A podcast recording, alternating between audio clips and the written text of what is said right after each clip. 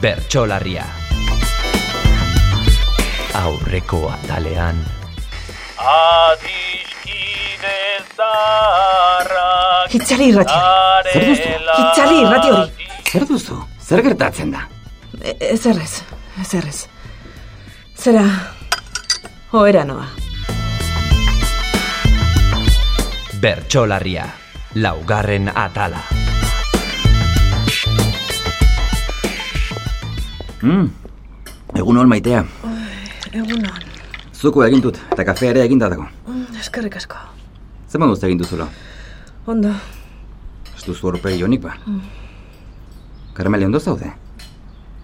Arraro xamar zaude egunotan. ondo nago? Ez, ez zaude ondo. Zer duzun jakin nahi nuke besterik ez? Zaite sastun jarri favorez. Ondo da, ondo. Ainara eramango dut eskolara, lasaiago ibil zaitezen. Bueno ba, ero arte. Bai, agur.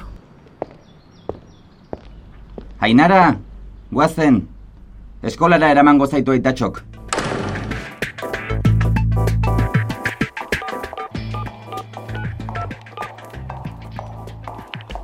Ara, Carmele, Carmele Berriz ikusi nahi zaitut. Zure deiaren zain nengoen, Itzuliko naiz berriz.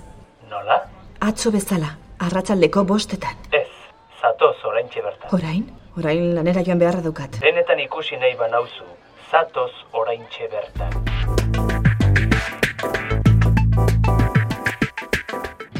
Eta zer esango dion nagusi berriari, Karmele? Aitzakiak agortu zaizkit. Tira, Ana, honena izan zara beti gezurrak asmatzen. Eta zu, Karmele, benetan kezkatzen hasia nahi zurekin. Zertan ari zara benetan? Esan dizut, joan behar dukat. Beharra, zure egin beharra hementze dago, erredakzioan. Ez da ez ezagun bati egin behar diozun bizita eroa. Ana, eskerrik asko, beste bat zor dizut. Oso arduratuta geratzen naiz, Karmele. Oso. Nestor, Karmelerekin kezkatuta nago. Nik ere arraro sumatu dut egunotan.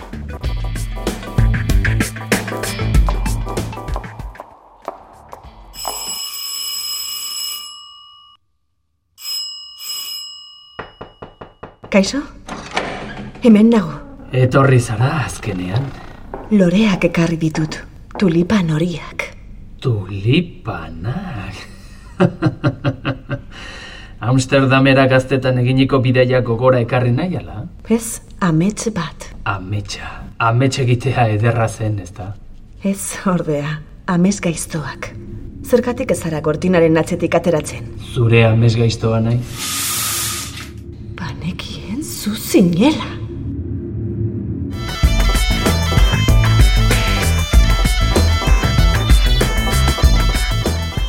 Bertsolarria, Galder Perezen gidoi originala.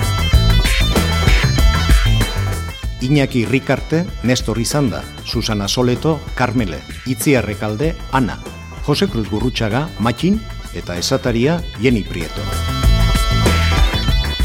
Carmen Sanestebanek zuzendu du, Enrique Loyola zuzendari laguntzailea, musikaren egilea Jimmy Bidaurreta eta soinu teknikaria Olaia Sánchez. E Nazioarteko antzerki jaialdia eta Radio Vitoria EITB-ren produkzioa.